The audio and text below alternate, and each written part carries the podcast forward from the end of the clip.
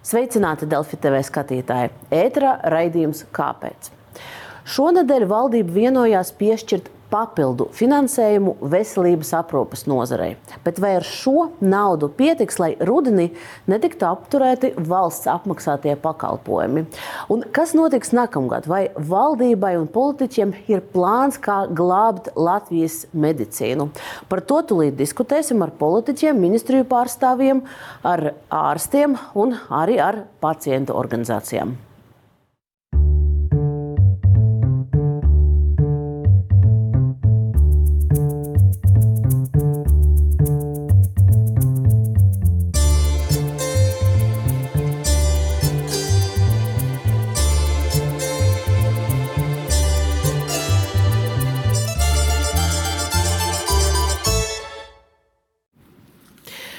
Stādīšu priekšā šodienas viesus. Studijā ir um, primāri valdības pārstāvji, kura nes vislielāko atbildības nastu par veselības aprūpes sistēmas finansējumu.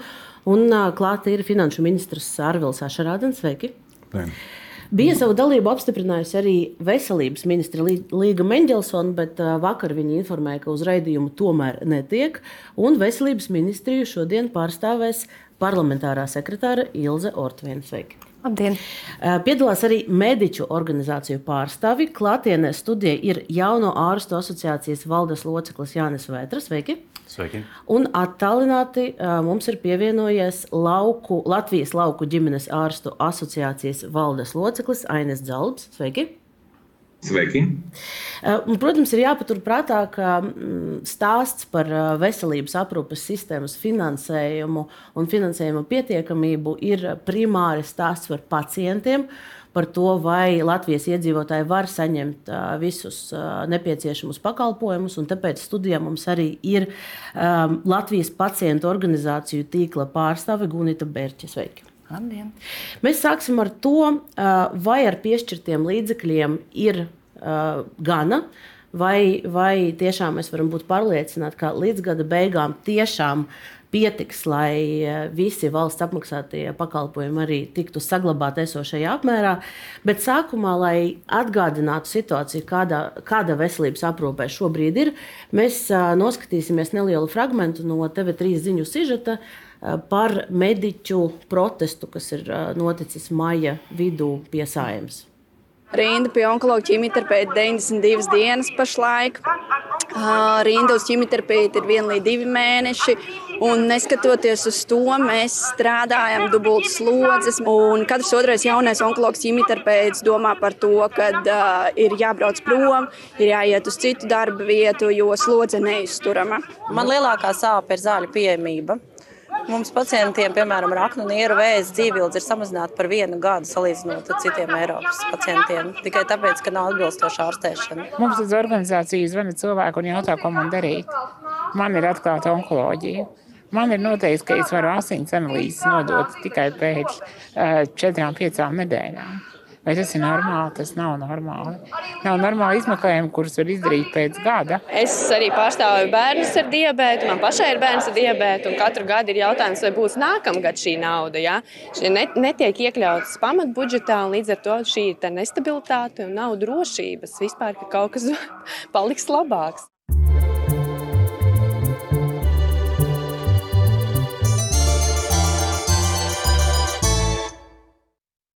Un te ir jāpiebilst, ka papildu līdzekļu, kurus šogad gan veselības ministrija, gan mediķi pieprasīja no valsts budžeta, ir domāti nevis lai aprakstītas sižetā problēmas uzlabotu, bet lai situācija nekļūtu sliktāka. Un tāpēc pirmajam es vārdu gribu dot tieši mediķiem, gan ģimenes, gan ģimenes ārstiem, gan, gan jaunajiem ārstiem. Vai jūs varat ieskicēt dažos teikumos, kāpēc mēs vispār runājām par šo finanšu piešprici, ja tās nebūtu šo šonadēļ, tad kāda pēc dažiem mēnešiem būtu bijusi tā situācija? Jā, es varu principā piekrist tam, kas bija sižetā par tas pēdējais teikums, ka no drošības ka būs labāk.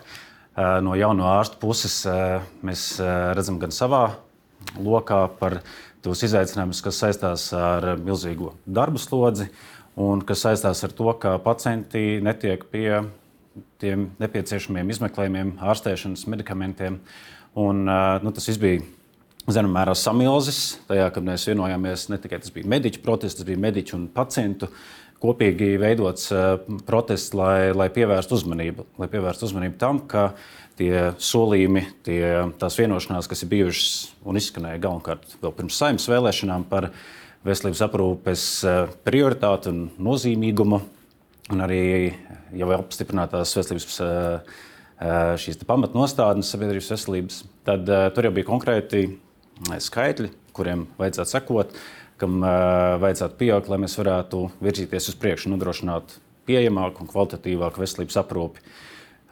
Bet tas, ko mēs redzējām pēc jau šī gada pirmajiem mēnešiem, ka tā piešķirtā nauda ir nepietiekama un ņemot vērā to, kādas ir nu, nepieciešamība pēc konsultācijām, pēc analīzēm, izmeklējumiem, operācijām, tas ir nu, ir ļoti liela nepieciešamība. Ir ļoti daudz gan ielaistu gadījumu, gan vienkārši regulārās veselības problēmas, kuras pacientiem ir jānovērš un jāārstē. Ar to apjomu mēs vienkārši netiekam galā, un no valsts finansējuma puses nav pietiekams atbalsts, lai mēs varētu nodrošināt visiem pacientiem līdz gada beigām izmeklējumus un ārstēšanu. Un, eh, nu, tas risks, principā, savā ziņā joprojām pastāv par to, ka uz gada beigām var nākties ierobežot Eh, kādus no valsts eh, sniegtiem pakalpojumiem, vai tās ir konsultācijas, vai, vai tā ir kāda uzturēšanās dienas stacionārā, vai kāda no medikamentiem. Un tā ir, nu, tas ir liela, liela problēma. Ja, tas, ja mēs tādā situācijā nonāktu, tie būtu aizvien vairāk ielaist gadījumi, pieejamība būtiski samazinātos. Tāpēc arī bija šis protests, tāpēc arī mēs atsevišķi pēc tam tikāmies ar nozares organizācijām. Ar, Eh, finanšu ministru, ar veselības ministriju un, un, un arī premjeru tā skaitā, lai šīs visas nu, sakāpinātās uh, problēmas mēģinātu kaut kā parādīt un izcelt. Uh, šķiet, ka daļai vismaz esam sadzirdēti, jo nu, kaut kāds finansējums ir, ir atrasts, lai tās pamatkrīzes lietas mēs varētu nosekt līdz gada beigām. Mēs, mēs mazliet vēlāk arī aiziesim pie šī finansējuma, kam pietiks, kam nepietiks, vai, vai tiešām viss vis apsolītais būs. Bet Dzelba kungam es gribēju dot vārdu arī. Tad, ja, uh, tas sakotnējais jautājums bija, uh, kāpēc vajadzēja šo piešķirci finansiālo, ja, finanšu, ja, ja, ne, ja nebūtu tā bijusi, tad, tad, uh, tad kas mums būtu noticis? Jā, sveicināti kolēģi. Tad par šiem jautājumiem Latvijas lauku ģimenes ārstu asociācija par ar finansējumu saistītiem jautājumiem jau ir norādījusi, jau veidojot šī gada budžetu. Mēs ātri vien apjautām, kad redzot tās pacienta vajadzības, to augošo pieprasījumu, kad ar to finansējumu, kas ir paredzēts, gan primārai veselības aprūpē, gan sekundārai aprūpē, stacionārajai, izmeklējumiem, medikamentiem, kā ar to būs krietni pamaz. Mēs jau informējām gan veselības ministriju, gan arī vairāk kārtīgi uzrunājām valdību, ka ir būtiski jāiegulda veselības aprūpē. Tieši šajā pēc-covid laikā jau ir ļoti liels pieprasījums pēc veselības aprūpas pakalpojumiem. Tā skaitā pieaugošs kronisko pacientu īpatsvars. Uh, Tas, ko es gribētu norādīt, ka joprojām, ja pēc šo mēnešiem ilgajām diskusijām pastāv ļoti liela neapmierinātība veselības nozarē. Tā neapmierinātība ir gan no pakalpojumu sniedzēju, sniedzēju puses, Ziniet, bieži vien ir tāda sa sajūta, sevišķi ģimenes ārstiem, ja tu esi ģimenes ārsts, īpaši vēl reģionā un līgumā ar valsti, tad zemāk vairs nav kur krist. Tas ir tāds pēdējais punkts tavā karjerā, ko tu vari realizēt. Mums bieži vien, es jau arī esmu to minējis, mums ir kauns par to veselības aprūpas sistēmu, kādā mēs strādājam, par to pakalpojumu iespējām, ko mēs varam piedāvāt mūsu pacientiem. Un šobrīd ir tāda sajūta, ka reāli ar godu mēs varam viens savus pacientus izvadīt. Pārējais viss, tiklīdz tas ir ārpus ģimenes ārsta prakses risināma problēma, iestājas ārkārtīgi lielas grūtības. Mums ir mēnešiem garas rindas uz tādiem elementāriem izmeklējumiem, kā sonogrāfijas, pat labam veidojas sastrēgumi arī uz rengenoloģiskajiem izmeklējumiem, tātad tas vairo arī pacientu neapmierinātību. Viena lieta ir neapmierinātība, otra lieta, ka cieši kvalitāte būtiski. Ir, kā kolēģis minēja, mēs redzam šīs uh, ieilgušās slimības, mēs redzam ielaistās slimības. Mums bieži vien atnāk pacients kabinetā jau ar sūdzībām, mums diagnoze ir skaidra, mums ir skaidrs rīcības plāns, bet tālāk par ģimenes ārsta kabinetu ar pieciem nosūtījumiem rokās nekas mums vairāk arī nenotiek. Tādēļ šis finansējums bija ārkārtīgi svarīgs lai mēs spētu apmierināt šīs augošās vajadzības pēc mūsu sniegtajiem pakalpojumiem. Tas, ko, par ko mūs, mēs satraucamies ģimenes ārsti visvairāk, kad arī plānojot šo finansējumu, par ko mēs šodien arī runājam, atkal ģimenes medicīna tiek atstāta novārtā, un mēs īsti neveidojas mums izpratne par to, kas ir veselības aprūpe, kas ir tie lielumi, kas ir kritiski svarīgi un kas ir tie rādītāji, kas ar trūkstošo finansējumu ir jāsasniedz un kādi izdevumi būtu jāsedz un kādi pakalpojumi būtu jānodrošina. Paldies par šo ieskatu. Mēs noteikti vēlāk arī šķetināsim detalizētāk, bet nu, man liekas, ka konsensus noteikti būs, ka šī, šī aina ir ļoti skarba un, un, un ka šī situācija ir, ir jārisina. Bet 57 miljoni šo, šonadēļ ir iezīmēti veselības aprūpes sistēmai no, no, no dažādu ministriju tēriņiem. Mēs varam apskatīties, kā kopumā izskatās šī bilde, bet pēc būtības tie 57 miljoni Tas ir nu, tēlāini runājot ministriju maciņos, un jūs varbūt finanšu ministrs var man palabot, ja es kļūdos, bet ministriju maciņos ir atrasti līdzekļi, atrasta nauda, kur vai nu izlietošanu var atlikt, vai nu tad, tad var atteikties no kādiem tēriņiem, vai nu tad ir zināms, ka šī nauda tāpat šogad netiktu iztērēta tam, kam tā bija paredzēta, un tie ir tie 57 miljoni. Bet tālāk, lai tiktu līdz tam minimumam, kas šogad papildu bija nepieciešams veselības aprūpes sistēmai, tad, eh, tad mums ir tas eh, grafiks, ko mēs balstoties uz Finanšu ministrijas datiem sagatavojam, mazliet apkopojot. Un tur sanāk, ka pēc būtības. Uh, lielāka daļa no atlikušās summas, kur līdz gada beigām veselībai būtu jā, jāsaņem, tad tie ir līdzekļi neparedzētiem gadījumiem, ir tāda, tāda, tāds grozs valsts budžetā. Tad 30 miljonus mēs ceram vēl ietaupīt turpmāk no tad ir jāsaprot, ka no kādiem ministriju tēriņiem. Uh, un vēl ir aizsardzības ministrijas, tur uh, viens, viens piedāvājums. Uh, Bet Ašrādam kungam man sākumā ir jautājumi par to, kā no, no ministrijām tie 57 miljoni ir, ir atrasti, jo, un par to procesu kā tādu. Jo jūs saskaraties šonadēļ ar tādu lielu kritikas uh, straumi, tā varētu teikt. Jo daži piemēri tur ir uh, nauda, kas domāta ekonomikas ministrijas investīciju projektiem. Uh, veselībai tagad ir pārvirzīti līdzekļi, kas bija domāti pētījumiem klimata un enerģētikas jomā. Tur ir izglītības un zinātnes ministrijas nauda, kas bija domāta pētījumu programmām. Tas visas lietas ir, ko mēs dzirdējam budžeta veidošanas procesā, kā prioritāras. Un tas, un, un tas bija jau tā, un dalīta šī nauda ministrijiem bija jau tad, kad veselības joma pateica, jā, mums, ir, mums, mums nepietiks ar to naudu. Jautājums, vai. Olga, kur jūs stūrējat tagad? Vai veselībai vajag naudu, vai visam šitam vajag naudu? Tad, ko jūs gribat tagad? Es gribu pajautāt par prioritātēm, jo, jo veselībai naudu, protams, vajag, bet es esmu pārliecināts, ka ārste pateiks, ka viņi gribētu zināt, ka gada sākumā viņiem vajadzēja. Nav neviena naudu muļķīga vai nevajadzīga prioritāte. Skaidrs, ka valdība solidāri nolēma, ka meklēs šo naudu, tad finanšu ministra izveidoja algoritmu, kādā veidā var pārgrupēt finanses un tā tālāk, kā nodrošināt 140 miljonus. Un šī visa 140 miljoni ir valsts sadalīta dažādām ministriju vajadzībām. Skaidrs, ar līdzekļu neparedzētiem gadījumiem ir paredzēta krīžu situācijām. Tāpēc mēs skatīsimies, kādā veidā atrast apropriācijas, lai to atrastu. Jā, tā ir valdība, ir valdība strādā uz maksimāliem limitiem šobrīd. Ir divas iterācijas. Mēs gājām meklējam pedagogiem naudu, otra ir šī veselībai. Ja mēs nevienojamies, ka 12% no valsts budžeta ir bez ārkārtas izdevumiem, labi, palielinājām līdz ārkārtas izdevumiem. Attiecībā uz 12% saistības esam izpildījuši. Tā ir PVO rekomendācija, bet es gribu teikt, ka tā ir jau limits. Ja? Tagad jau veselības ministrijai jāsāk sniegt paskaidrojumu, cik efektīvi tā nauda tiek izlietota. Bet, es par kaut ko citu mēģināju sākumā par saprast. Ko? Ja sākotnēji jau janvārī veselības nozare jums teica, un te varbūt kāds no klātesošiem var, var precīzāk pateikt, ka ar, ar ieplānoto naudu veselībai nepietiks. Olga, mēs, bet jūs aizsūtījāt to uz citām ministrijām un tad paņēmāt atpakaļ. Jautājums par to procesu. Labi, izzinājām, cik pietiks. Labi, tad sakam, tad sakam to, cik tad vajag to naudu. Sākam ar šādu skaitu. Labi, cik tad vajag? Lūdzu, vai jums veselības ministrijā ir dati, cik daudz transakciju notiek veselības aprūpas sistēmā, un tad cik ir nepieciešams finansēt? Es atvainojos, jūs šodien pat nezināt, kas notiek privātajā sektorā, kas ir apmēram 40% no tirgus. Ja?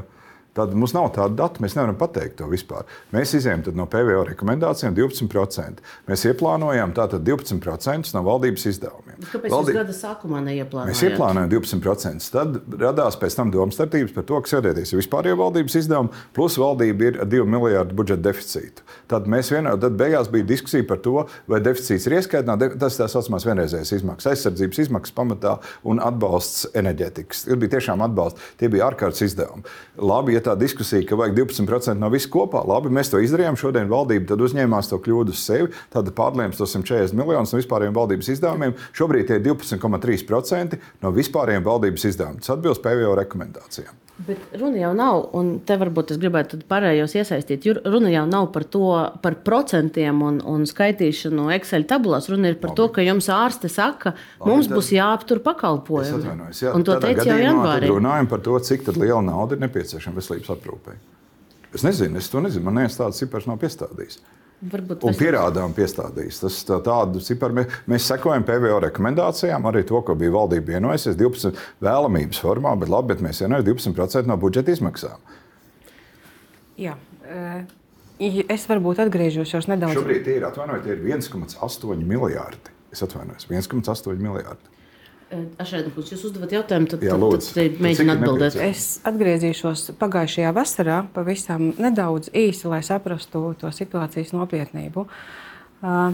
Mēs veidojām, tātad iepriekšējā ministrija veidoja budžeta pieprasījumu, un tātad šis budžeta pieprasījums sākotnēji sēžot kopā ar nozari, tātad aplēšot šīs vajadzības, prognozējot pakalpojumu skaitu un kvalitāti, tātad tika plānots, tie bija 502 miljoni. Skaidrs, ka eh, kopējā fiskālā telpa neļautu to īstenot, un eh, tātad tika ministrijā pārplānots un mazināta šī naudas summa uz sabiedrības veselības pamatnostādēs noteiktiem 306 miljoniem. Arī bija skaidrs jau tad, ka prognozējot tā summa ir par lielu, un arī šī summa nebūs pieejama. Ministrija atkal vilka jostas kopā un skatījās, ko viņi atkal var samazināt, nonāca līdz skaitlim 212 miljoni. Arī tur tika dotas, doti mājieni, kad arī šī summa nav pieņemama, kad eh, tā ir par lielu un tādas naudas groziņš nebūs. Ministrija atkal savilka jostas, atkal pārskatīja un atkal mazināja, apzinoties to, ka šis mazinājums būs par sliktu pacientiem un nevarēs īstenot visas prioritātes un visus plānus. Tātad sarkanā līnija bija tā, kur veselības ministrija teica, ka viņi nepārkāps robežu, tie bija 120 miljoni. Gada beigās rudenī mēs budžetu saņēmām 85 miljoni. Tas ir pie budžeta pienesums. Ja? Tātad skaidrs, ka bāzes budžets mums ir. Mēs neesam gluži pliki uz ielas.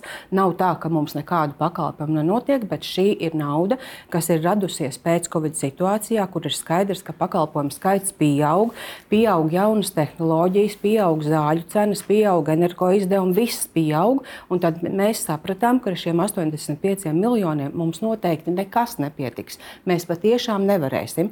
Un šis ir dialogs ar nozari, šis ir dialogs ar pacientiem pacientiem. Tas rezultējās tajā, ka mēs redzam šos protestus, mēs redzam neapmierinātību un mēs redzam nedrošības sajūtu. Nedrošības sajūta ir arī ārstniecības pusē. Mums bieži pārmet, jūs neprotat plānot un prognozēt savus procesus, bet kā tad notiek? Ja mēs skaidri zinām, ka mums šī nauda ienāk, tad katrā līgumslēdzēja pusē viņš prognozē šo naudas sadali. Tātad plānojam pakalpojumu piemību 12 mēnešiem. Tas būtu loģiski. Nu, horm, eh, nu, sinhroni lēnā garā, bet tā dzīvē nenotiek tiek veidotas pacientu rindas, aug pieprasījums, un tas gada prognozētais izlietojuma apjoms pēc pakalpojuma tiek sasniegts jau pirmajos sešos mēnešos. Un līdz ar to attiecīgi arī nauda tiek iztērēta pirmajos. Ja mēs varētu nodrošināt to pakalpojumu apjomu tādā klāstā, kas ir nepieciešams, mums neveidotos tas, ka ārstniecības iestādes visu šo pakalpojumu grozu cenšas apgūt pirmajā pusgadā. Kāpēc? Tāpēc, kad ir skaidrs, ka pirmam pusgadam vienmēr nauda pietiek, un tālāk ir cīņa par pārstrādēm.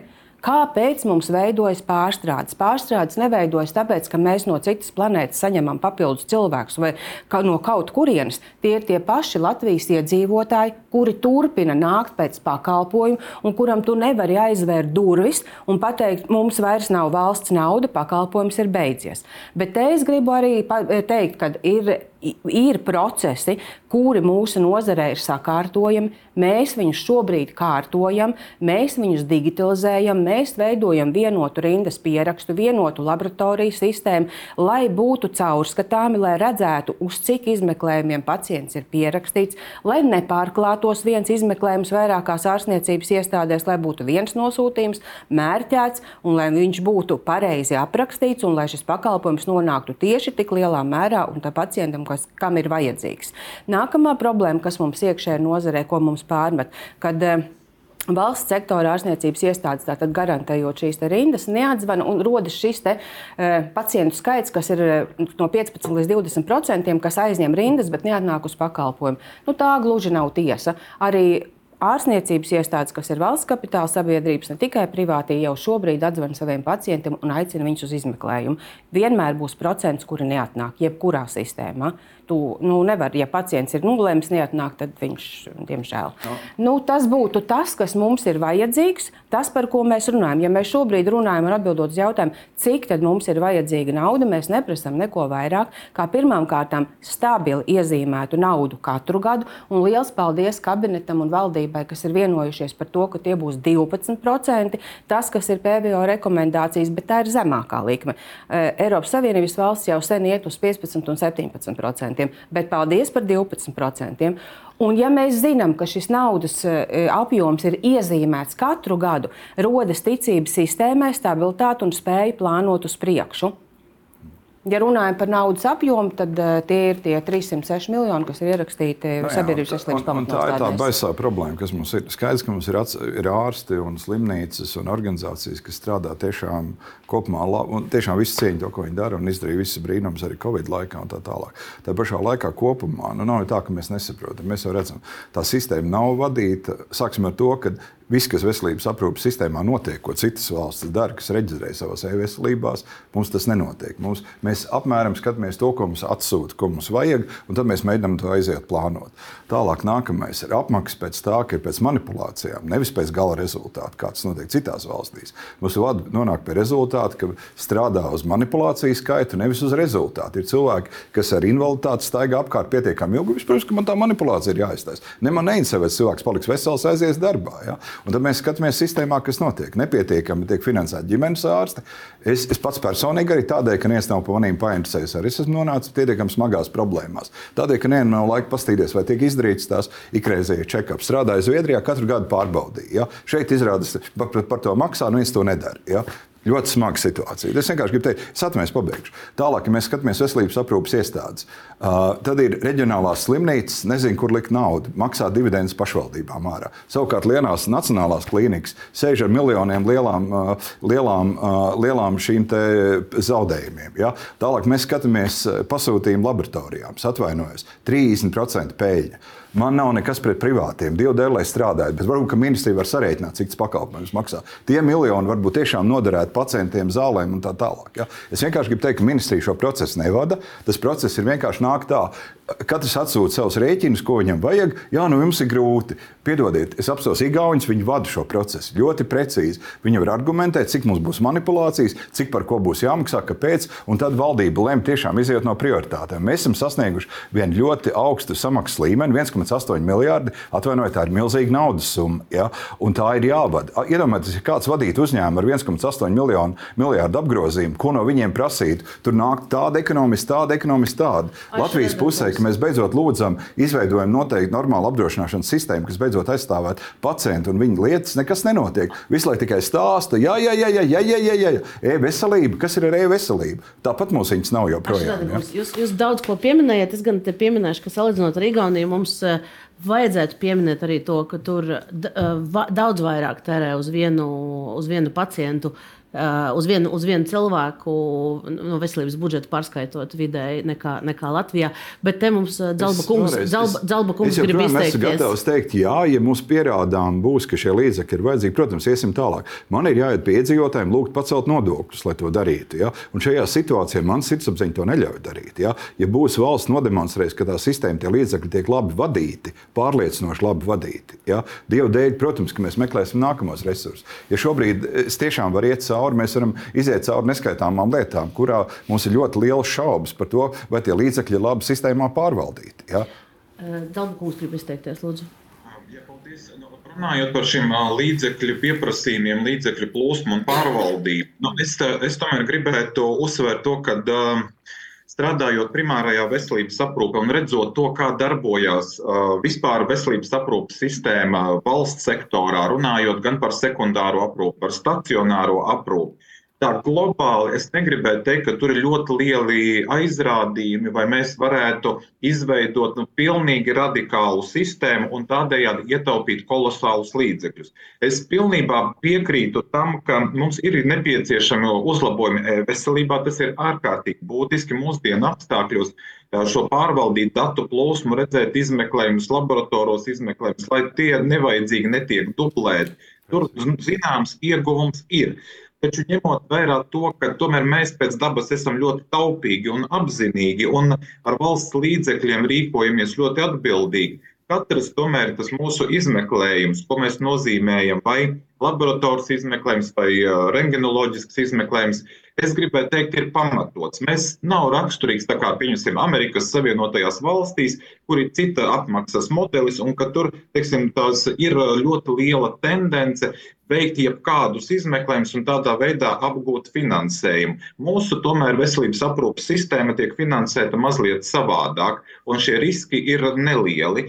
Par, par kopējo finansējumu es vēlētos norādīt, ka tomēr OECD un Pasaules veselības organizācija jau ir veikusi arī aprēķinus attiecībā par Latviju, un kas ir konstatēts, ka šis vidējais IKP, ko valsts sedz, tātad 4%, uh, ir vajadzīgs reiz divi. Jo precīzi 50% tikpat liela summa ir tas, ko sauc par out-of-pocket maksājumu. Tas ir tātad to, ko pacienti ir spiesti piepirkt klāt kā maksas pakalpojumu. Tātad, principā, mēs runājam par divas reizes lielāku finansējumu, lai nodrošinātu visas pacientu vajadzības ilgtermiņā. Un tādēļ šīs summas, protams, ir iespaidīgas un ārkārtīgi lielas, bet veselības aprūpe ar katru gadu paliek ar vien dārgāka. Mums ir jāparedz līdzekļi šim, lai nesanāk tā, ka katra gada vidū mums ir jāpārtiek no donoriem vai ziedotājiem, lai mēs varētu turpināt iesāktos mūsu veselības aprūpes pakalpojumus. Tas, ka mums ir vajadzīga attīstība ilgtermiņā, es absolūti piekrītu, bet mums ir jāsaprot, ka mums šī brīža apstākļos pacientiem ir jārod attiecīgi risinājumi. Es sadzirdēju no jums šos arī uh, vārdus par primārās veselības aprūpes stiprināšanu. Šeit es gribētu teikt, ka mēs, ja mēs arī skatāmies un pētām dažādus modeļus, un kā, kā allaži mēs skatāmies uz skandināvu valstīm un akcentējam to um, primārās veselības aprūpes priekšrocības, Un mēs saprotam, ka tur arī līdzīgi kā Latvijā ģimenes ārsts aprūpē no 1500 līdz 2000 pacientiem, bet tā komanda ir trīs reizes lielāka nekā ir Latvijā ar šiem papildu darbiniekiem, ar māsām, kuru tiešās funkcijas arī ir šis profilaktiskais darbs, kas Latvijā netiek realizēts cilvēku resursu trūkuma dēļ. Un tagad, skatoties uz to finansējumu, kas tiek atvēlēts mums šogad papildus, es tur neredzu primāro veselības aprūpi kā prioritāti.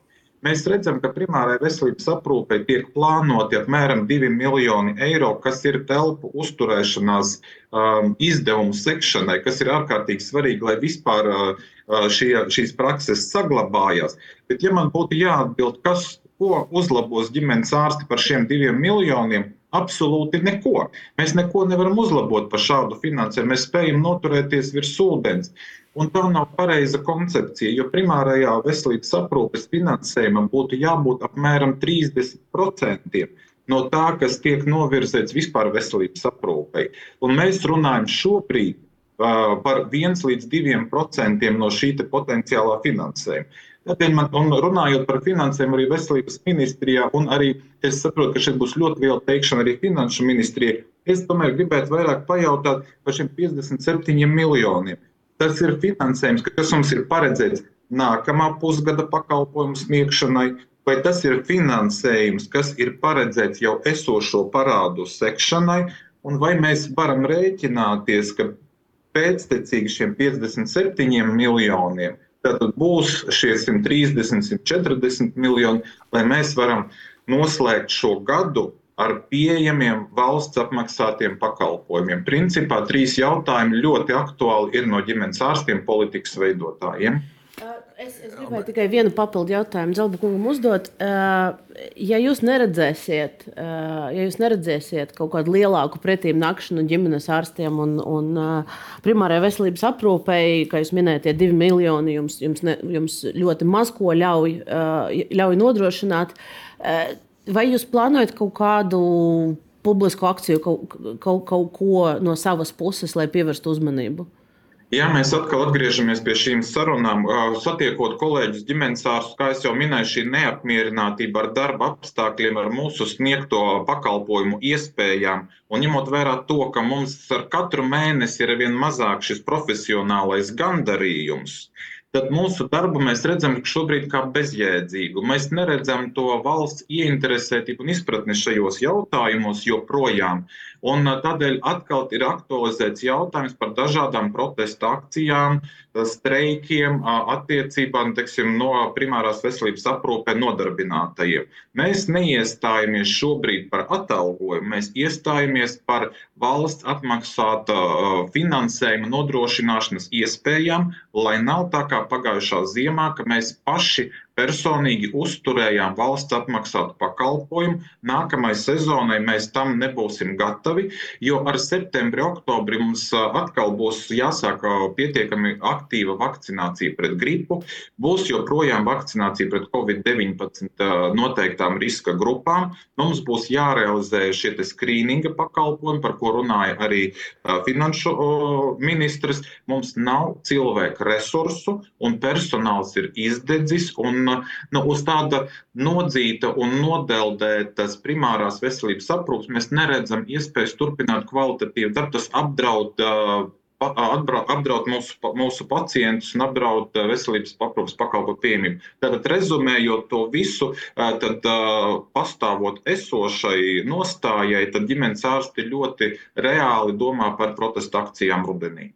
Tas būtu streiks, vai tā būtu protesta akcija citās tā, formās? Ir, ir jāizvēlās un jāskatās, kā tā situācija attīstās, bet principā tāds arvien vairāk kolēģi runā par streiku, jo mēs redzam, ka šīs protesta akcijas nenes tādu gaidāmu rezultātu, un tā kā mēs, mums ir jārunā par streiku, bet streiks vienmēr ļoti skar mūsu pacientu intereses. Un no tā mēs maksimāli, nu, protams, vienmēr arī šī gada dažādās protesta akcijās mēģinam izvairīties. Bet iespējams mums ir jāiet to ceļu, ko ir gājušas daudzas Eiropas valstis, Francija, Spānija, Lielbritānija, šiem plašajiem streikiem, un tad panākot šīs reālās izmaiņas valsts apmaksāto veselības aprūpas pakalpojumu nodrošināšanai. Uh, Es ļoti īsi gribu palūgt komentāru no, no, no valdības pārstāvjiem, jo lūk, šis, ir, šis ir ļoti nopietni ģimenes ārsta potenciālais streiks, ko mēs tagad dzirdējam kā, kā iespējamu. Uh, Un, un tad, bet, bet tiešām, ja, ja ir iespējams kodolīgi, bet, tad es gribētu pacientu pārstāvju iesaistīt. Vadības jautājums, tas pats, kas ir, nu, tiek, es nezinu, ir, mēs dzīvojam ar mītiem vai vēl kādiem, nu, labi apstīsimies tas, ko Celbkungs teica, mums ir tāda jādubulto veselības aprūpas finansējums. Mēs runājam par vēl vieniem 1,8 miljārdiem. Es tā saprotu, ka tas būtu nepieciešams. Jā. Un tagad būsim realisti, nu, tad, kur tā nauda radīsies. Atvainojos, viens PVN punkts ir 170 miljoni eiro.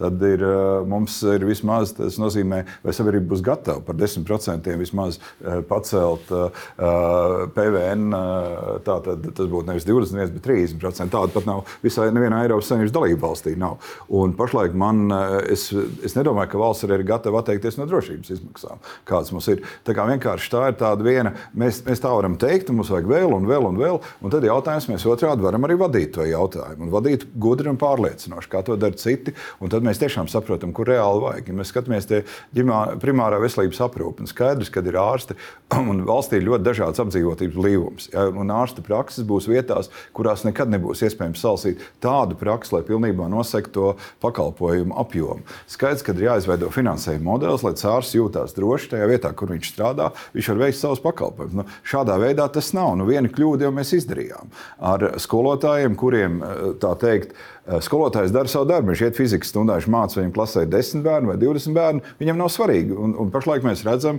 ka tie, tie skolotāji izdeg. Viņam par to pašu darbu maksā divreiz mazāk. Ja? Šeit ir jāizveido mehānisms, kur ārsts ir fiksēts viņam samaksu, viņš var strādāt savā praksē, un viņa fiziski geogrāfiju viņš var nosekt. Tādu modeli mēs neesam redzējuši. Un, un tajā brīdī tā situācija stabilizētos. Un, un pilnīgi skaidrs, ka primārā aprūpe ir ļoti svarīga, jo, jo tagad nu, mums saka, nu, pieaug par, par, par noteiktu procentu pieaug ambulatorijā ambulatorijā līmenī pakalpojumu skaits. Nu, mums ir jāsaprot, kas tur notiek. Tā nākamā daļa, kas ir jāvada, piemēram, tā pati sonogrāfija. Nu, es arī neesmu eksperts līdz visam. Šobrīd ir ļoti šaura mediķu grupa, kas saka, nu, Tikai mēs varam veikt to sonogrāfijas pakalpojumu. Nu, tikai tā grupa ar vienu sašaurinās. Ļoti mazs skaits rindas pieaug, tāpēc tiem cilvēkiem klāt netiek.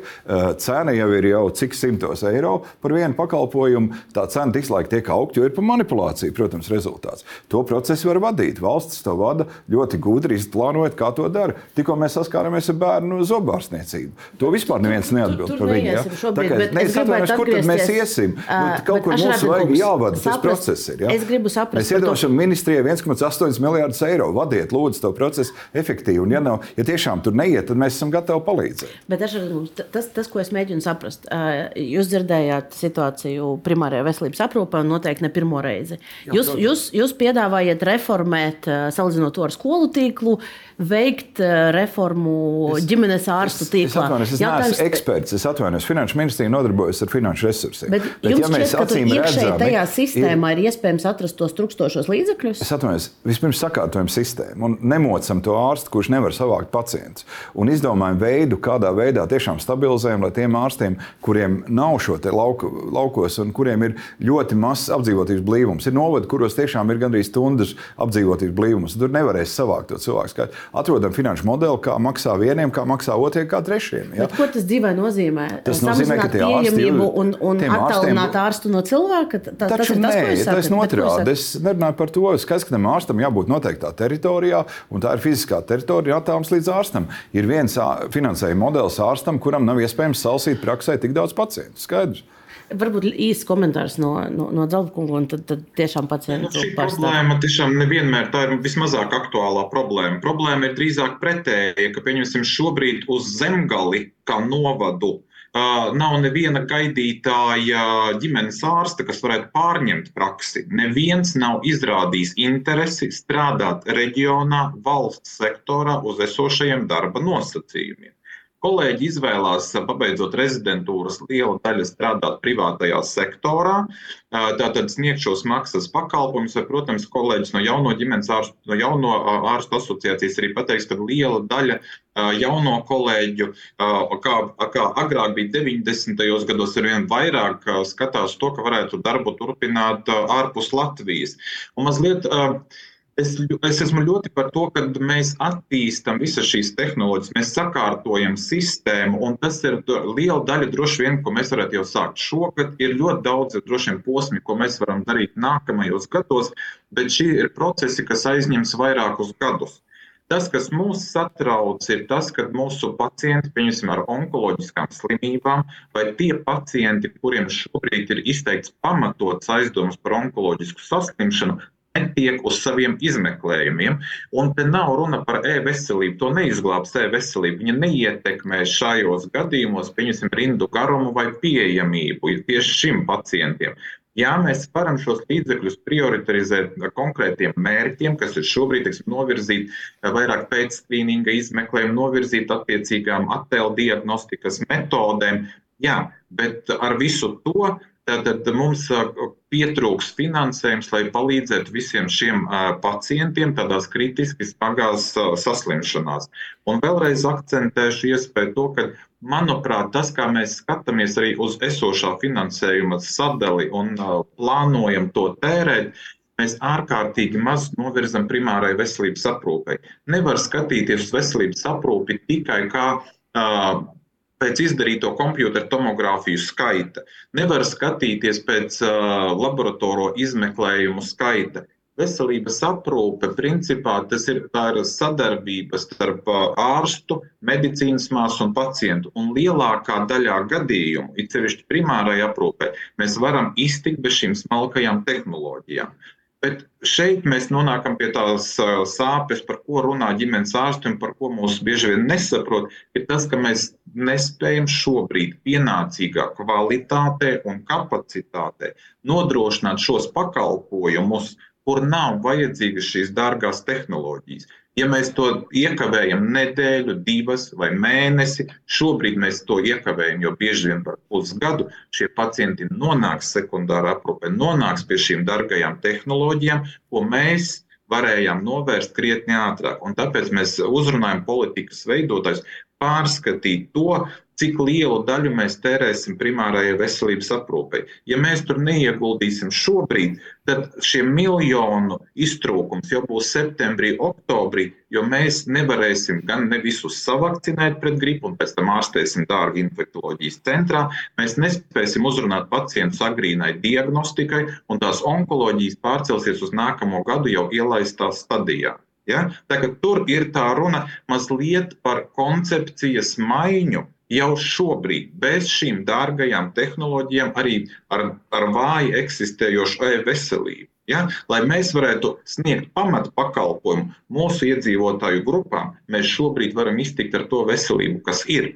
Bet sarežģītākiem pacientiem, protams, tur parādās tā vērtība un tieši tai e-veselībai. Bet, kolēģi, es ļoti, ļoti gribētu dzirdēt no mūsu politikas veidotājiem tos pamatlietas, ko mēs grasamies darīt un kas tā ir pa naudu šobrīd. 57 miljoni. Tie ir izmeklējumi nākamajam gadam, ar ko mēs varam rēķināties mūsu pacienti, vai tie ir parādu atmaksai, kas ir izveidojušies jau šobrīd, un vai mēs varam cerēt uz šiem 140 miljoniem līdz gada beigām, lai drusku nomierinātu savus pacientus, ka viņus iespējams tiks ārstēti arī šogad par valsts budžeta līdzekļiem. Jā, paldies par šiem jautājumiem. Mēs noteikti pēc brīža pie tiem nonāksim. Es tikai šajā brīdī gribētu atvadīties no RTV skatītājiem. Tur tieši televīzijā lineārajā mūsu laiks ir ļoti strikti ierobežots. Mazliet jau esam tur to pārtērējuši. Paldies RTV skatītājiem. Un ar jums mēs augusta skatītāji tiksimies nākamreiz, bet Delfi TV studijā mēs turpināsim diskusiju. Un es gribēju iesaistīt šobrīd uh, pacientu organizāciju tīkla pārstāvi Gunitu Berķi. Jo, Nu, jūs sanāk, jau 40 minūtes klausāties šo diskusiju. Valdības pārstāvjus ne pirmo reizi noteikti arī, arī, arī mediķu organizāciju pārstāvjus. Un, uh, kāds, kāds ir jūsu novērojums un secinājums? Mans novērojums ir tāds, ka veselības aprūpē šīs problēmas ir gadiem milzušas, jo desmit gadiem veselības budžets ir bijis nepietiekams. Es ar pacientu biedrībām, pacientu biedrībā esmu kopš 2004. gada. Un es tiešām nemelošu teikdam, ka katru gadu, veidojot budžetu, veselības budžets ir bijis iepriekšējā gada līmenī, neskatoties uz reālām vajadzībām veselības aprūpē. Un līdz ar to šis te, e, mīnus šobrīd ir uzkrājies un ir kļuvis nepanesams. Un, un jāsaka tā, ka attīstība veselības aprūpē no pacientu viedokļa. Uh, pakalpojumu pieejamība, pakalpojumu kvalitāte, viņa varbūt pieaug kaut kādai daļai. Nu, to, ko nevar pieaugt, pa, palielinoties zināšanām, ārstiem un, un, un tam līdzīgi, bet jebkurā gadījumā Latvija joprojām ir pēdējā vieta medikamentu pieejamībā. Es šodien nākot uz diskusiju, paskatījos, joprojām uh, ziedot LV vāc naudu vēža medikamentiem, kas ir vispār kritiski nepieļaujami, arī retajām slimībām vāc naudu. Ja? Tātad pacients šobrīd ir nu, tādā grūtā, ļoti grūtā situācijā, un ļoti daudz aiziet arī uz maksas pakalpojumiem. Jo arī šogad tā nauda, kas tiks piešķirta, viņa, lai nodrošin, tiks nodrošināta veselības aprūpe esošajā līmenī, bet jāsaka, ka esošais līmenis arī no pacienta viedokļa ir ne, nepieļaujami zems un nepieejams. Un cilvēks vienkārši dzen izmisumā, un cilvēki nesaņem. Un mums ir viena no mazākajām dzīvības vispār Eiropā par kvalitatīvu nodzīvotajiem dzīves gadiem vispār nerunāsim. 20, 20 gadi mūsu šķirne vidēji Eiropas jā. Savienības līmenī. Jā. Un, un šajā gadījumā mēs nevaram runāt par veselības budžetu, par kaut, kaut ko tādu, kas ir iedots. Tagad paskatīsimies, kā to iz, ka, ka strauji pieaugs pieejamība, pakalpojumu kvalitāte un tam līdzīgi. Ja, piemēram, arī, mēs arī darbojamies starptautiskajās organizācijās, un nesen Nīderlandes kolēģi bija satraukušies, ka medikamentu pieejamība viņiem ir zema. Viņi mums jautā, vai mums vispār tāda medika, vai, vai, vai mēs ar to saskaramies saskaramies. Mēs nesaskaramies, jo mums to medikamentu vienkārši nav. Ja? Tā kā nu, tas, tas ir nepieļaujami veselības aprūpei. Nav attīstības. Visu laiku tā nauda, kas ir iedota, ir kaut kāds eh, esošais līmenis, tiek nu, teiksim, uzturēts. Tas ir tā kā pacients tiek uzturēts ne, teiksim, mehāniski, barojot un, un neļaujot palīdzēt atgūt veselību.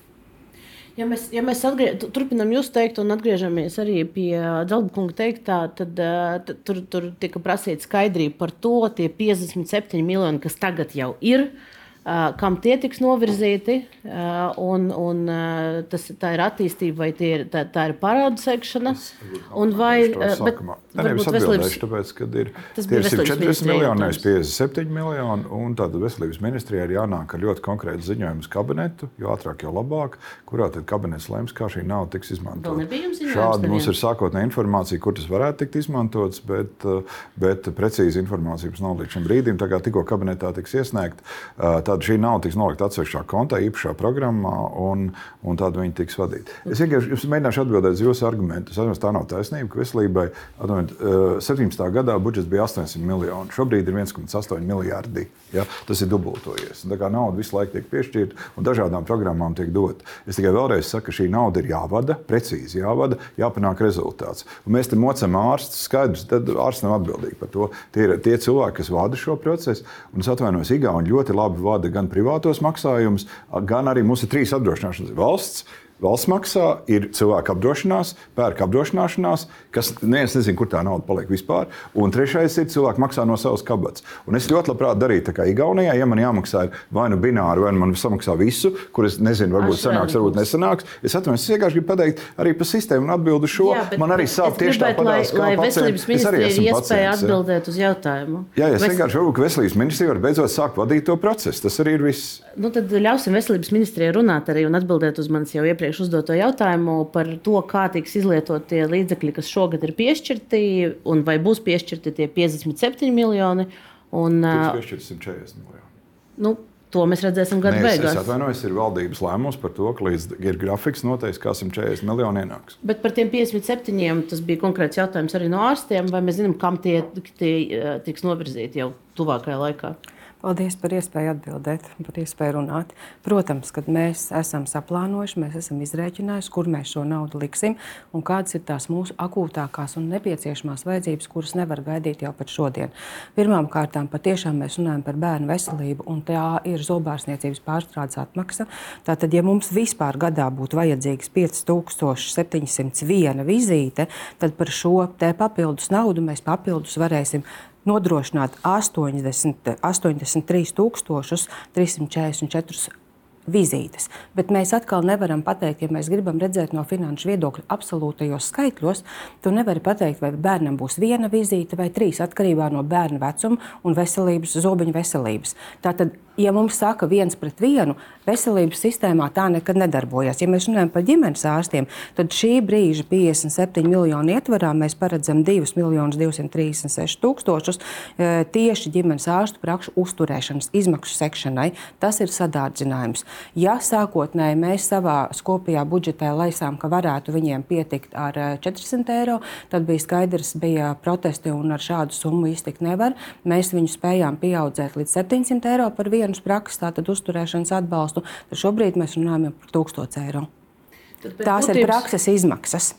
Bet tas pēc būtības, ja es pareizi sapratu, tad no tiem 57 miljoniem, kas Šobrīd tagad ir piešķirti, pa, pa, pa kripeteņai Jā. sanāks visām vajadzībām, Jā. un atlikušo daļu tad gada Un, beigās. un, un atlikusā, da, atlikusī daļa tieši tāpat tiks skatīta pēc esošām karstajām vajadzībām un novirzīt lielāka naudas plūsma tur, kur tas patiešām ir ļoti akūti nepieciešams, un pārējais tiks mēreni skatīts, kurā vietā ir jādzēš ugunsgrēki. Un te mēs atkal runājam, lai Dievs man piedod. Mēs nevaram runāt piekrītot pacientu organizācijai, un Vētraskungs man neļaus samelot. Problēmas ir bijušas jau pirms mums. Viņas ir bijušas gadu desmitiem. Šobrīd mēs esam situācijā, un paldies katrai ministrijai, kura saprot, ka mēs cīnāmies par veselības noturēšanu. Mēs nevaram runāt par inovatīvām zālēm, mēs nevaram runāt par e, Eiropas Savienībā pielietotām ārstniecības tehnoloģijām, jo mums nepietiek tam finansējums patiešām. Bet te ir atkal problēmas otrs puse - stāsts par efektivitāti. Tu vari efektīvi izlietot naudu, un mums viss process ir pārskatām. Jā, viņi ir novecojuši, viņi neatbilst laikam, bet mēs pie tā strādājam. Mums ir septiņas reformas šobrīd galdā vienlaicīgi. Viņas notiek te un tagad. Gan par zālēm, gan par laboratorijām, gan par ģimenes ārstiem. Ir pagājis tikai pusgads. Mēs ar to strādājam. Pusgada laikā ir izdarīts milzīgi daudz. Mendelsons kundze ir apbraukājusi visas pašvaldību ārstniecības iestādes. Ir reālā situācija zinām, ir saprasts, kas ir nepieciešams papildināt slimnīcu līmeņa stāstā, kāds būs tas kvalitātes indikators, un lai tā nauda seko, pilnīgi piekrīt Ašņāna kungam, nevis manipulācijai, bet kvalitatīvam gala rezultātam. Bet par kvalitāti mēs atkal runājam atkarībā no naudas ieguldījuma. Un te ir jautājums par naudas ieguldījumu. Vēl pirms dažām nedēļām, prezentējot ā, šīs vajadzības ā, dažādos formātos, Veselības ministrija teica, ka šīs te degošas vajadzības ir 164 miljoni. 167. Uh, ok, nu 167. Mēs redzam, mēs redzam, ka tas, ko saņems, ir 140. Tad 27 miljoni ir šis iztrūkums starp degošām vajadzībām ministrijas ieskatā un to, kas, kas, kas iespējams tad, tad, tad būs. Te ir jautājums, vai jūs varat izskaidrot, uh, ko tad mēs gada beigās, kā sabiedrība, vai kaut kas tiks apturēts, vai mēs kaut kā neieraudzīsim kaut kādas uh, kvotas beigsies ātrāk, vai, vai kas, kas notiks, uh, kur, ko mēs zaudēsim dēļ tā, ka šie, šie 27 miljoni nebūs. Es domāju, ka tā kā katru gadu ir bijis, gluži pēc šiem 27 miljoniem gada beigās mēs neko neapturēsim, neko neslēgsim, un cilvēkiem veselības aprūpe tiek sniegta. Bet kas veidosies? Veidosies stacionāros, veidosies, uzkrāsies parādi, pēc kuriem viņi nāks prasīt nākamā gada sākumā. Būs eh, rēķinu neapmaksas par medikamentiem, medicīnas precēm un tādām lietām. Iespējams, pagarināsies kaut kādas rindas uz kaut kādiem pakalpojumiem, kur jau būs beigusies naudiņa, un tālāk tātad šajā gadā vairs tas nebūs iespējams. Rinda vienkārši paaugs garāka. Nu, tas ir tas stāsts, un mēs visu laiku tā ir tāda sniega bumba, kas nekad nebeidzās.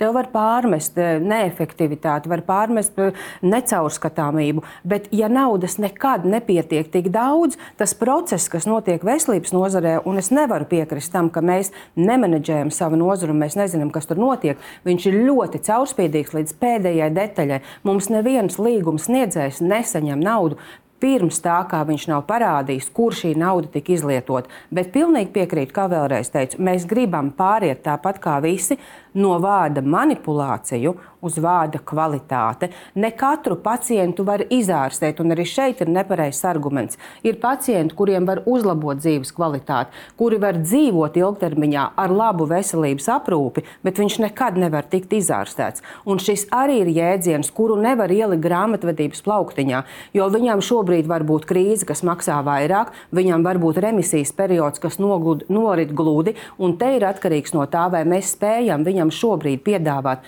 jaunākās paudzes medikamentu, vai mēs ņemam pirmās vai otrās pakāpes medikamentu, kam Latvijai šobrīd ir nauda. Te ir tas stāsts par to, es varu dzīvot labāk, ilgāk un kvalitatīvāk, bet mums nav šīs naudas tām modernākajām zālēm. Ja būtu, tad mēs varētu nozemināt šīs pirmās, otrās pakāpes medikamentus un paņemt pēdējās. Un mēs to nevaram izdarīt. Un te man, man jāiesaista Vētras kungs, jo, jo ja mēs runājam par, par tiešām to, tiem uzlabojumiem, par nākamā gada budžetu, tagad jūs arī uh, iedvedat mums tādu ietvaru, bet noklausieties diskusiju tālāk, vai jūs varat uh, izteikt savus secinājumus par to, uz ko mums ir jāskatās, ja mēs runājam par nākamā gada budžetu, jo mēs nodzīvosim līdz, līdz šī gada beigām, un tad, tad no jauna mēs runāsim par, par visām šīm problēmām. Jā, nu, tās bažas tādas ir, ka, ka šīs sarunas jau ir bijušas atkārtotas, regulāras, un tās droši vien nu, pagaidām nekas neliecina, ka mēs varēsim iztikt bez tādām, kad atkal nozarei būs jāiet, jācenšas parādīt, kur tā nauda nonāks, lai mēs saņemtu kaut kādus papildus finansējumus, kas lai gan principā jau ir eh, paredzēta šajā sabiedrības veselības pamatnostādnēs, kur tas pieaugums varētu būt eh, līdz pat 300 eh, miljoniem nākamajā gadā. Un, bet tas, ko kā nozare jūtās piemēram par to nākamo gadu un nākamajiem gadiem uz priekšu, ir tas, ka nav tādas paredzamības, nav tādas nu, zināmas drošības sajūtas par to vidi, kādā mēs varēsim darboties. Es domāju, ka tā, tādu sajūtu mēs dalām gan starp ārstiem, gan arī par pacientiem. Vai varēs saņemt, vai varēs nodrošināt uh, pakalpojumus. Jo uh, nu, tas vismaz no jauno ārstu skatījuma uh, nu, ir liela problēma, liels izaicinājums. Tas, ka tu nevari rēķināties ar to darba vidi, tām iespējām, kā var sevi profesionāli īstenot. Tu nezini, kas sekos nākamajos gados. Attieksme no tādas valsts puses ir tāda nu, nievājoša, bieži vien eh, pārmetumiem par ļoti daudzām eh, lietām, bet tajā pašā laikā tas darba apjoms ir milzīgs. Mums eh, ļoti trūkst cilvēku resursu. Man liekas, šajā gadā bija tie dati tādi, piemēram, stacionāros trūkst kaut kādi 800 ārstu slodzes, mums māsas trūkst krietni un vēl vairāk. Ārkārtīgi liels tas darba apjoms, kas ir, ko ir nepieciešams veikt tie dati, kas liecina par cilvēku resursiem, pēc ārsta vidējais vecums 55 gadi, un ko mēs darīsim pēc vairākiem gadiem. Vienkārši tas ilgtermiņa plānošanas aspekts, man liekas, ir tas, kas eh, iztrūkst. Jo pat ja mēs nākamajā gadā uh, saņemtu plus 1,6, 1,8 miljardus, tas jau arī neatrisināt visu, ka pēkšņi visi Latvijas iedzīvotāji ir, ir veseli. Ja? Mēs nevaram uh, ārstus, mediķus sagatavot uh, pēkšņi no nekurienes. Mēs nevaram šos iedzīvotājus, kas 55 gadu vecumā vidēji arī jau kļūst par tādiem, kuriem ir nepieciešama ilgstoša palīdzība, chroniskie slimnieki. Mēs viņus arī nevarēsim vienkārši pēkšņi izārstēt. Tas ir ilgstošs. Ilgstoši ieguldījumi, kuri ir nepieciešami, lai kaut kādu dzīves kvalitāti varētu nodrošināt šiem cilvēkiem. Tā kā nu, tās gaidas arī ir nu, kaut kādā mērā jāsamēro ar tām iespējām un tām līdz šim pieļautajām kļūdām. Jā, es gribēju piebilst, ka uh, vajadzētu, plānojot veselības aprūpas attīstību, katru gadu tomēr paredzēt ne tikai iepriekšējā gada izdzīvošanas līmenī vai tās gada izdzīvošanas līmenī, bet tomēr ar pieaugumu un attīstību. Jo, jo bez tā mēs vienkārši nevaram. Jo, ja, piemēram, Eiropā šobrīd runā, ka metastātisks vēzis, jūs pieminējat onkoloģiju, vienkārši ir hroniska slimība un cilvēki ar metastātisku vēzi dzīvo, organizē biedrības pasākums un, un un, un nodrošina savu dzīves kvalitāti, tad mums Latvijā metastātisks vējs. Nu, kā lai pasakā, nav ar labākajām izredzēm, un vispār cilvēkiem nu, nav iespējams ilgi un kvalitatīvi dzīvot. Un bez šīs attīstības piešķirts, ja tā var teikt, veselības aprūpe visu laiku turoties iepriekšējā līmenī, pat ja naudas apjoms ir lielāks, nevarēs izdzīvot un pacients no tā cietīs. Un man ir jautājums, vai tagad ir atrasti 140 miljoni, vai nākamajā gada budžetu veidojot, tiks ņemts vērā veselības ministrijas aprēķinu un varbūt tiks piešķirt tie papildus 300 miljoni, kas ir paredzēti sabiedrības veselības pamatnostādēs. Skaidrs, ka mēs ar to rēķinamies. Es, vien, es visu laiku mēs ļoti, ejam pa tādu ļoti vienkāršotu līniju. Valdība, valdība, valdība. Nu, labi, bet tas process ir jāvada. Un es vēlreiz atgādināšu, Igauni. Desmit gadus atpakaļ Igauni ievies veselības apdrošināšanu, kurā sistēma, kurā viņi pārvalda visu sistēmu esošo naudu. Es atvainojos, veselības aprūpē kopumā sistēmā naudas pietiek. Cilvēki veids gan privāts maksājums, gan tāds. Protams, ļoti ir, ir, ir cilvēki, kas saka, o, mēs pārējām uz privātu, tur ir pilnīgi tas, ko es teicu, kurš te teica, aiziet uz privāto sektoru, tur ir pilnīgi citas cenas un tā tālāk. Igaunija spēja to vadīt ļoti labi. Un cilvēki spēja ir līdzmaksājumu, viņi sāk ar, ar, ar 30, cik bija plus līdzmaksājums, labi, mēs esam aizgājuši līdz 40, bet tad sākam beidzot to vadīt. Igauni tikuši līdz 22%. Nav arī ideāla pasaule tur, ja? bet tur pietiek resursi, tie resursi tiek vadīti visa veida apdrošināšanas. Tajā brīdī, kad mums jānorēķinās par pakalpojumu, ar to tiek rēķināts, ka tā visa nauda, kas sistēmā tiek izmantota. Saku vēlreiz par efektīvu resursu pārvaldību. To jūs jau vairāk kārt minējāt, tāpēc atļaušos jūs pārtraukt. Jā. Jūs runājat par reformām. Neviens te neapstrīd, ka reformas Jā, ir vajadzīgas. Jādara, beidzot. Ir pusgads pagājis, mēs neko nedzirdam no veselības bet... ministrijas, kas būtiski mainītos. Tas, ka mēs apbraukājām, kapteinim ir jāstrādā, jāvada kuģis, nevis jā, jāstaigā mašīna kambīzē. Nu. Tikko teic, izteicās veselības ministrijas pārstāvis, septiņas reformas notiek. Kādas septiņas reformas? Kurā vietā? Mums ir zāļu reforma, mums ir laboratorija reforma, mums ir digitālās attīstības plāns. Iezinu, Tie ir iesāktie procesi. Nu, Nē, tā nav tikai e-veselība. Tas ir pacienta vēža reģistrs, tas ir sirdsasinsvadu slimību reģistrs, Jā, tas, tas ir reto slimību reģistrs. Tas ir Nacionālā NVD e, kapacitātes attīstīšana, tā ir procesu pāraudzība un kopējo padotības iestāžu sajūgšana vienās sistēmās, lai šis darbs būtu efektīvs, lai mēs ātrāk varētu piekļūt datiem, lai mēs ātrāk šos datus varētu apstrādāt.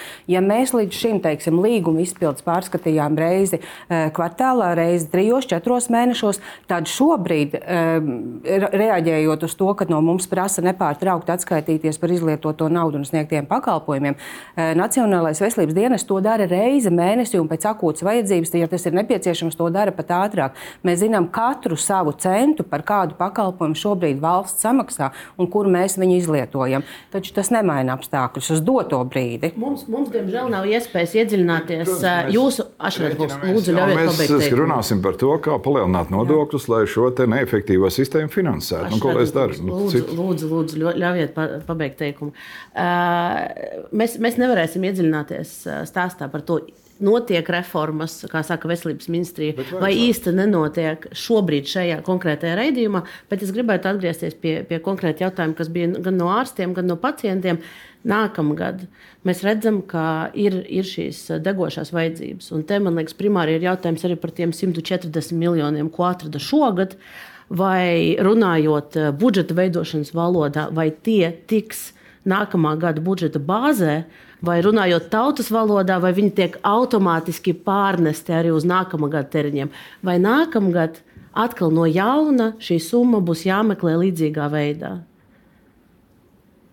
Mēģiniet vēlreiz noformulēt jautājumu. Nu, man liekas, ka visi saprata. Nē, nesaprotu vēlreiz. Labi, tad, tad vai 140 miljoni, kas šogad ir atrasti, ir nākamā gada budžeta bāzē? Es varu atbildēt, ka mēs esam izgājuši uz robežu 12% no budžeta izmaksām. Mēs esam gatavi finansēt. Tad būs bāzē viņi. Nu, tā, tā, tā mēs esam izgājuši to robežu. Okay, jā, labi. tad, uz to, tad, tad uz to atbildi mēs saņēmām. Un es zinu, ka Dalba kungs noteikti jau, jau ilgāku laiku grib uzdot jautājumu vai izteikties. Jā. Man, es arī gribēju vēstīt to tēzi, ka šis finansējums noteikti ir jāiekļauj nākamā gada budžetā, lai nesanāk mums tādas situācijas, ka pirmo gadu tā vienkārši mēs muļļājamies, kaut ko pacientiem solam, izdodam nosūtījumus un tālāk nekas nenotiek. Un, uh, ir ielaistas. Jā. Tas ir apsveicama ideja. Bet tas, ko es joprojām sadzirdēju, kas man ārkārtīgi, kā ģimenes ārstam, liekas sāpīgi, ir tomēr šajā gadījumā no nu, tā veselības ministrijas koncepcija. Mēs runājam, ja 57 miljoni un 2 miljoni ģimenes ārstiem kaut kādu telpu kā uzturēšana, kas ir viena no mūsu prioritātēm. Bet šeit es gribētu teikt, ka tomēr Finanšu ministrija kopā ar Veselības ministriju jāstrādā mazliet ciešāk, un es aicinātu kolēģus izvirzīt kā minimums 10% primārai veselības aprūpei, ne tikai uh, siltuma rēķina apmaksai, kas neietekmēs uh, pacientu veselības aprūpi tiešā veidā, bet runāt jau šobrīd par efektivitātes un kapacitātes stiprināšanu, lai mēs ietaupītu līdzekļus jau nākamajā gadā. Mēs esam veselības ministrijai un finanšu ministrijai darījuši zināmas mūsu prioritātes. Jā, ir šis telpu jautājums, ir papildu darbinieka jautājums, tā skaitā skrīningiem un pārējiem funkcijām, un vēl ir darīti zināmi dažādas, kas ir ārkārtīgi būtiskas vajadzības. Veselības ministrija min 57 miljoni, 57 miljoni un 2 miljoni ģimenes ārstiem. Tātad mēs varam rēķināties ar to, ja finanšu ministrija un ministru kabinets sola 140 miljonus, tad proporcionāli tad ģimenes medicīnai tur ir pieaugums te līdz 5 miljoniem šī pusgada laikā. Vai mēs ģimenes ārsts saprotam pareizi? Zelkungs, paldies. Nē, jūs šobrīd nesaprotat pareizi. Es stāstu, ka e, šie 2,236 miljoni šobrīd ir no 57, bet no visiem 140 miljoniem ģimenes ārstu prakšu uzturēšanai un aizvietošanai, kas jums arī ir ārkārtīgi svarīgi, jo jūs netiekat atvaļinājumos, kopumā ir paredzēti 7,5 miljoni no visas šīs kopējās 140 summas. Vienkārši summa, tātad, eh, ko mums piešķir Finanšu ministrija, tiek dalīti pa kārtām.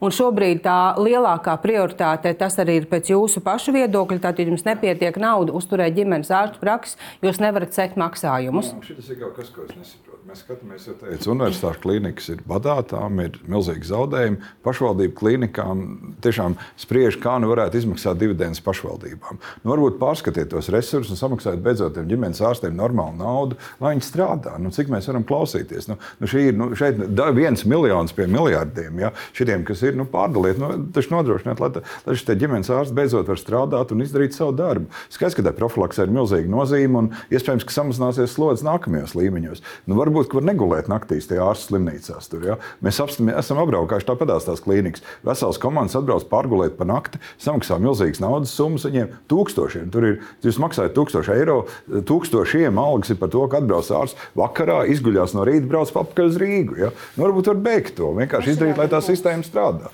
Jūs ļoti labi zinat, ka šobrīd notiek slimnīcu stiprināšanas reforma kura tiek eh, pamatoti pieprasīta. Jūs ļoti labi zinat to, ka slimnīcām tiks uzliktas prasības ārstniecības iestādē attiecīgi pēc viņa līmeņa, un tālāk tiks izvērtīts kvalitātes kritērija. Šis process es ir nolikts uz papīra, viņš ir iesniegts ministra kabinetā. Mums ir dots uzdevums līdz 18. augustam iesniegt šos prasību un kvalitātes kritērijus. Viņi ir izstrādes procesā. Vakar tika nosūtīta ārstniecības iestādēm gan valsts, gan pašvaldību slimnīcu prasības. Tālāk notiek diskusija, tālāk mēs turpinām darbu pie kvalitātes kritērijiem, kuros ietilps gan atkārtotas hospitalizācijas, gan mirstības. Es, es saprotu, Tas viss notiek, pamodās, un viss šis te, tātad, šī te slimnīcu līmeņošanas tīkla pārskatīšana, jeb šo tātad atbilstību katram līmenim. Par šo ministrijā tiek runāts, atvainojiet. Sešus. Es ļoti atvainojos. Gads, es nevaru pateikt, kas notika es, pirms es atvainojos, šī gada tā, janvāra. Es nevaru tā būt valstī. Nu, vesela ministrija sēž sešas gadus kaut ko ņemās. Beigās, nu, kad pāriet uz augstiem toņiem, beigās saka, paņemiet PVO kritērijas, mēriet savu darbību. Izrādās, pastāst tur vispār šausmas skatīties. Šeit ģimenes ārstiem nav resursu, bet mēs kaut ko tur apfinansējam. Ja? Nevajadzīgi. Nu, tad, tad saorganizējieties. Es piet... Man tiešām žēl tos ārstus. Viņi nāk un katrs dara savu darbu. Nu, tiešām te ir pa dažiem miljoniem. Runa. Nu, mēs jau nepārdalām finanšu ministrijā, to naudu jūs pārdalat. Ja? Bet ģimenes ārstiem tiešām ir jādod tā nauda, lai viņi strādā, padara savu darbu. Es pilnīgi piekrītu arī šai kritikai, taču ir jāsaprot kopējā proporcija. Neviens vairs 21. gadsimtā nešaubās ne jūs, ne mēs, ka primārā veselības aprūpe ir pamats visai sabiedrības veselībai. Taču mums ir jāsaprot, mēs esam situācijā ar vārdu Latvija. Mums ir slima sabiedrība, kas divus gadus nav tikutas ne pie plānotiem, ne pie vajadzīgās ārstniecības procesa problēmas ir samilzušas, un Zelpkungs man neļaus sameloties. Šobrīd tu nevari kuģi pagriezt strauji uz otru pusi no stacionāra gala uz primāro veselības aprūpi, ja viņš ir ar smagu bagāžu. Tas, tas notiek pakāpeniski. Es pilnīgi piekrītu Zelpkungam ir jāstiprina primārā veselības aprūpe strauji un ātri. Taču šobrīd ir jāsadz arī ārstniecības iestāžu izmaksas, kur ir tagad un šodien šie savus šausmīgi slimie pacienti. Un kamēr mēs to nelīdzsvarosim, bet lai mēs to līdzsvarot, mums atkal ir vajadzīga nauda, lai vienlaikus nodrošinātu akūtās vajadzības ārstniecības iestādēs un vienlaicīgi celt augšā primāro aprūpi. Citādi tas nedarbosies. Un te ir tas līdzsvars, tas, par ko runā pacienti un tas, par ko runā ārsti. Tās, tas naudas apjoms apjoms tiek karstajiem punktiem dotajā brīdī. Mēs nerunājam par iespēju uzraut augšā to vajadzīgo, lai piedodiet nonāktu tur, kur ir Igauni. Ortvēns, kundze, es neesmu mieru tādu. Es atvainu, mēs iedalījām to energoresursu, pastījāmies tieši tāpatās, pa visu sistēmu izsmērēt naudu. Ir pelnījis, viņš nav pelnījis. Tāpatās iedod... šādi, un kungs ir pelnījis. Visi, pašvaldības kāda... ārstniecības un, iestādes un sniedz valsts pakalpojumu. Ja jūs sniedzat tādu, ja viņi strādā ar tādu peļņas līmeni, tad kaut ko nedarat jūs pareizi. Mēs ja? neesam kapitāla daļa turētāji pašvaldībā ārstniecības iestādēs. Mēs tikai jūs, viņiem piedāvājam pakalpojumu, viņi nodrošina. Ne, jūs rakstat tarifus, un universitāšu slimnīcas ir, ir milzīgās problēmās, un tā sistēma dzīvo priecīgi un zaļi. Un, ja gribat, varam parunāt par algām, kādas tas slimnīcās. Nu, par algām mēs varam runāt tiešām. Jā, droši vien, ka būtu vērts paskaidrot sabiedrībai, jā, kas paldies. tur notiek. Jā. Paldies, te mums izvērtās tāds mini duelis šī raidījuma ietvaros, bet, bet mums, mums drīz būs ja no skatītājiem jāatvadās. Es domāju, ka pie šī jautājuma par to, cik efektīvi strādā slimnīcu sistēma kā tāda un kā tad izskatīsies šī reforma, vai, vai tajā mēs varēsim iegūt arī finansējumu, lai, lai, lai kaut ko novirzītu uz citām nozarēm, kas Es saprotu, arī ir jautājums, eh, nu, liela jautājuma zīme ir, ir, ir šim, šim apgalvojumam, bet, eh, bet pie šī mēs noteikti arī ēterā atgriezīsimies, tad, kad veselības ministrija prezentēs arī konkrēto plānu. Eh, es pirms atvadīties gribēju dot vārdu diviem cilvēkiem, kas diezgan maz šajā raidījumā runāja, un palūgt no jums tādu secinājumu ar skatu uz nākotni. Pēc visu, ko mēs dzirdējām, veselības ministrijas reformas, finanšu ministrijas iespējas. Uh, ar, ar kādu skatu, ar kādu secinājumu jūs skatāties uz nākamo gadu? Ir tā, ka no piemēram, jauno ārstu puses mēs noteikti esam tādā pozīcijā, ka mēs atbalstam reformas. Mēs piekrītam, ka daudzas lietas ir sakārtojamas, esam gatavi iesaistīties arī diskusijās, esam gatavi līdzdarboties ar savu skatījumu tajā, lai palīdzētu kārtot uh, sistēmu dažādos tās aspektos, uh, gan primārajā, sekundārā uh, profilaks un dažādos citos aspektos. Tur mēs noteikti atbalstam. Mēs nu, šobrīd arī nevarētu nosaukt tādu reformu, kas būtu pilnīgi nepareiza vai vesta nepareizā virzienā. Viņam jāvirzās, piekrītu, straujāk uz priekšu. Bet tajā pašā laikā ir šaubas, ka tas uh, varēs atrisināt uh, to pamatu uh, problēma, vismaz, kas ir arī šī e, raidījuma tēma, par to finansējumu apjomu un e, cik daudz mēs varam ar pieejamiem cilvēku resursiem, cik daudz tiešām pakalpojumu sniegt e, saviem iedzīvotājiem. Vai mēs tiešām varēsim samazināt rindas un piekrīt arī doktoram Zābam, ka tās ir, tās, ir jau šobrīd esošie pacienti.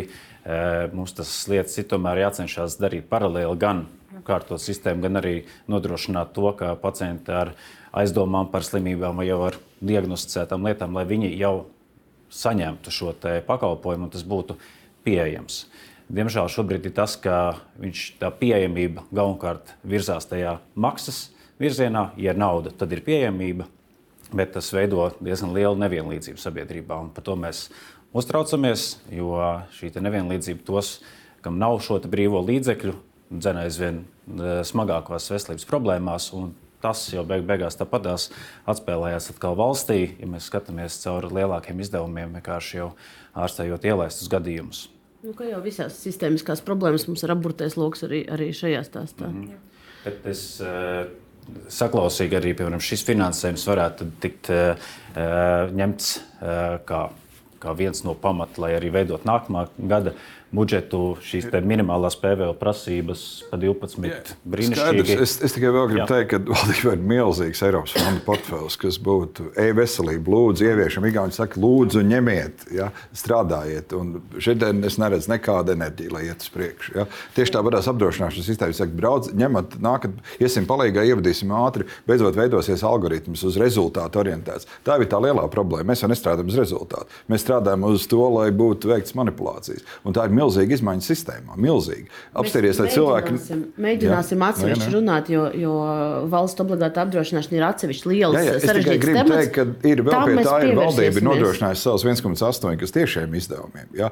Vēl ir valdības portfels, kas ir kopumā ir šim gadam 1,5 miljards. No tā ir milzīga daļa ir atvēlēta veselības aprūpas izmaiņām. Jā lēnām tučs, tučs, tur kaut kas kustās. Ja? Tur ir milzīgi investēt infrastruktūrā, visā, kas ir vajadzīgi, arī tehnoloģijās var investēt. Ja? Tikai nu, viņus vajadzētu veidot vienotus, harmoniski. Tiešām, eh, es atvainojos, arī gribu redzēt beidzot savu pacientu karti, lai visi tie ieraksti tur ir. Nevis tā, ka kaut kur ir tas, kaut kur ir tas. Tikko es dzirdu no viena pacienta, viņš maksā tur kaut kādu desmit gadu vecu datu vajadzīgi par 100 eiro jāsamaksā, lai dabūtu savus datus. Ja?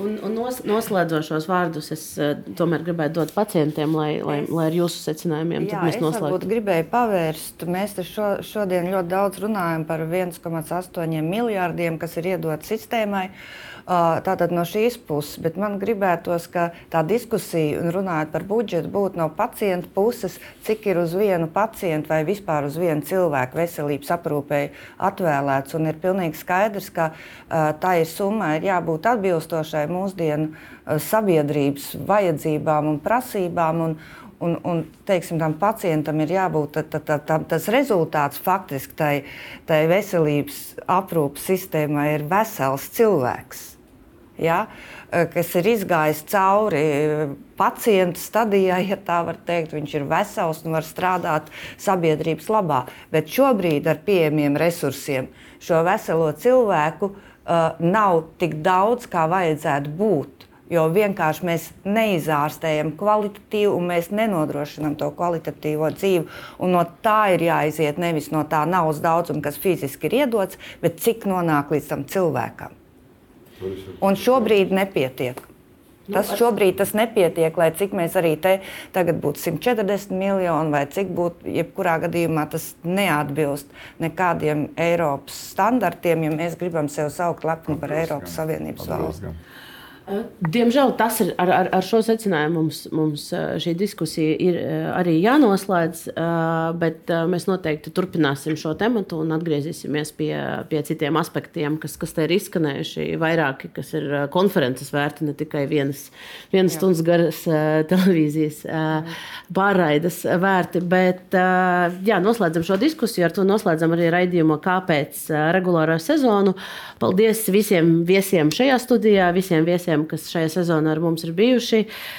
Kopā esam izturējuši gan saimas, gan prezidenta vēlēšanas, gan, gan esam daudzus nozīmīgus jautājumus iztirzējuši un uh, iztaujājuši vairākas, uh, vairākas amatpersonas. Uh, plānojam šobrīd, kā atgriezīsimies šajā raidījumā pie jums skatītāja 7.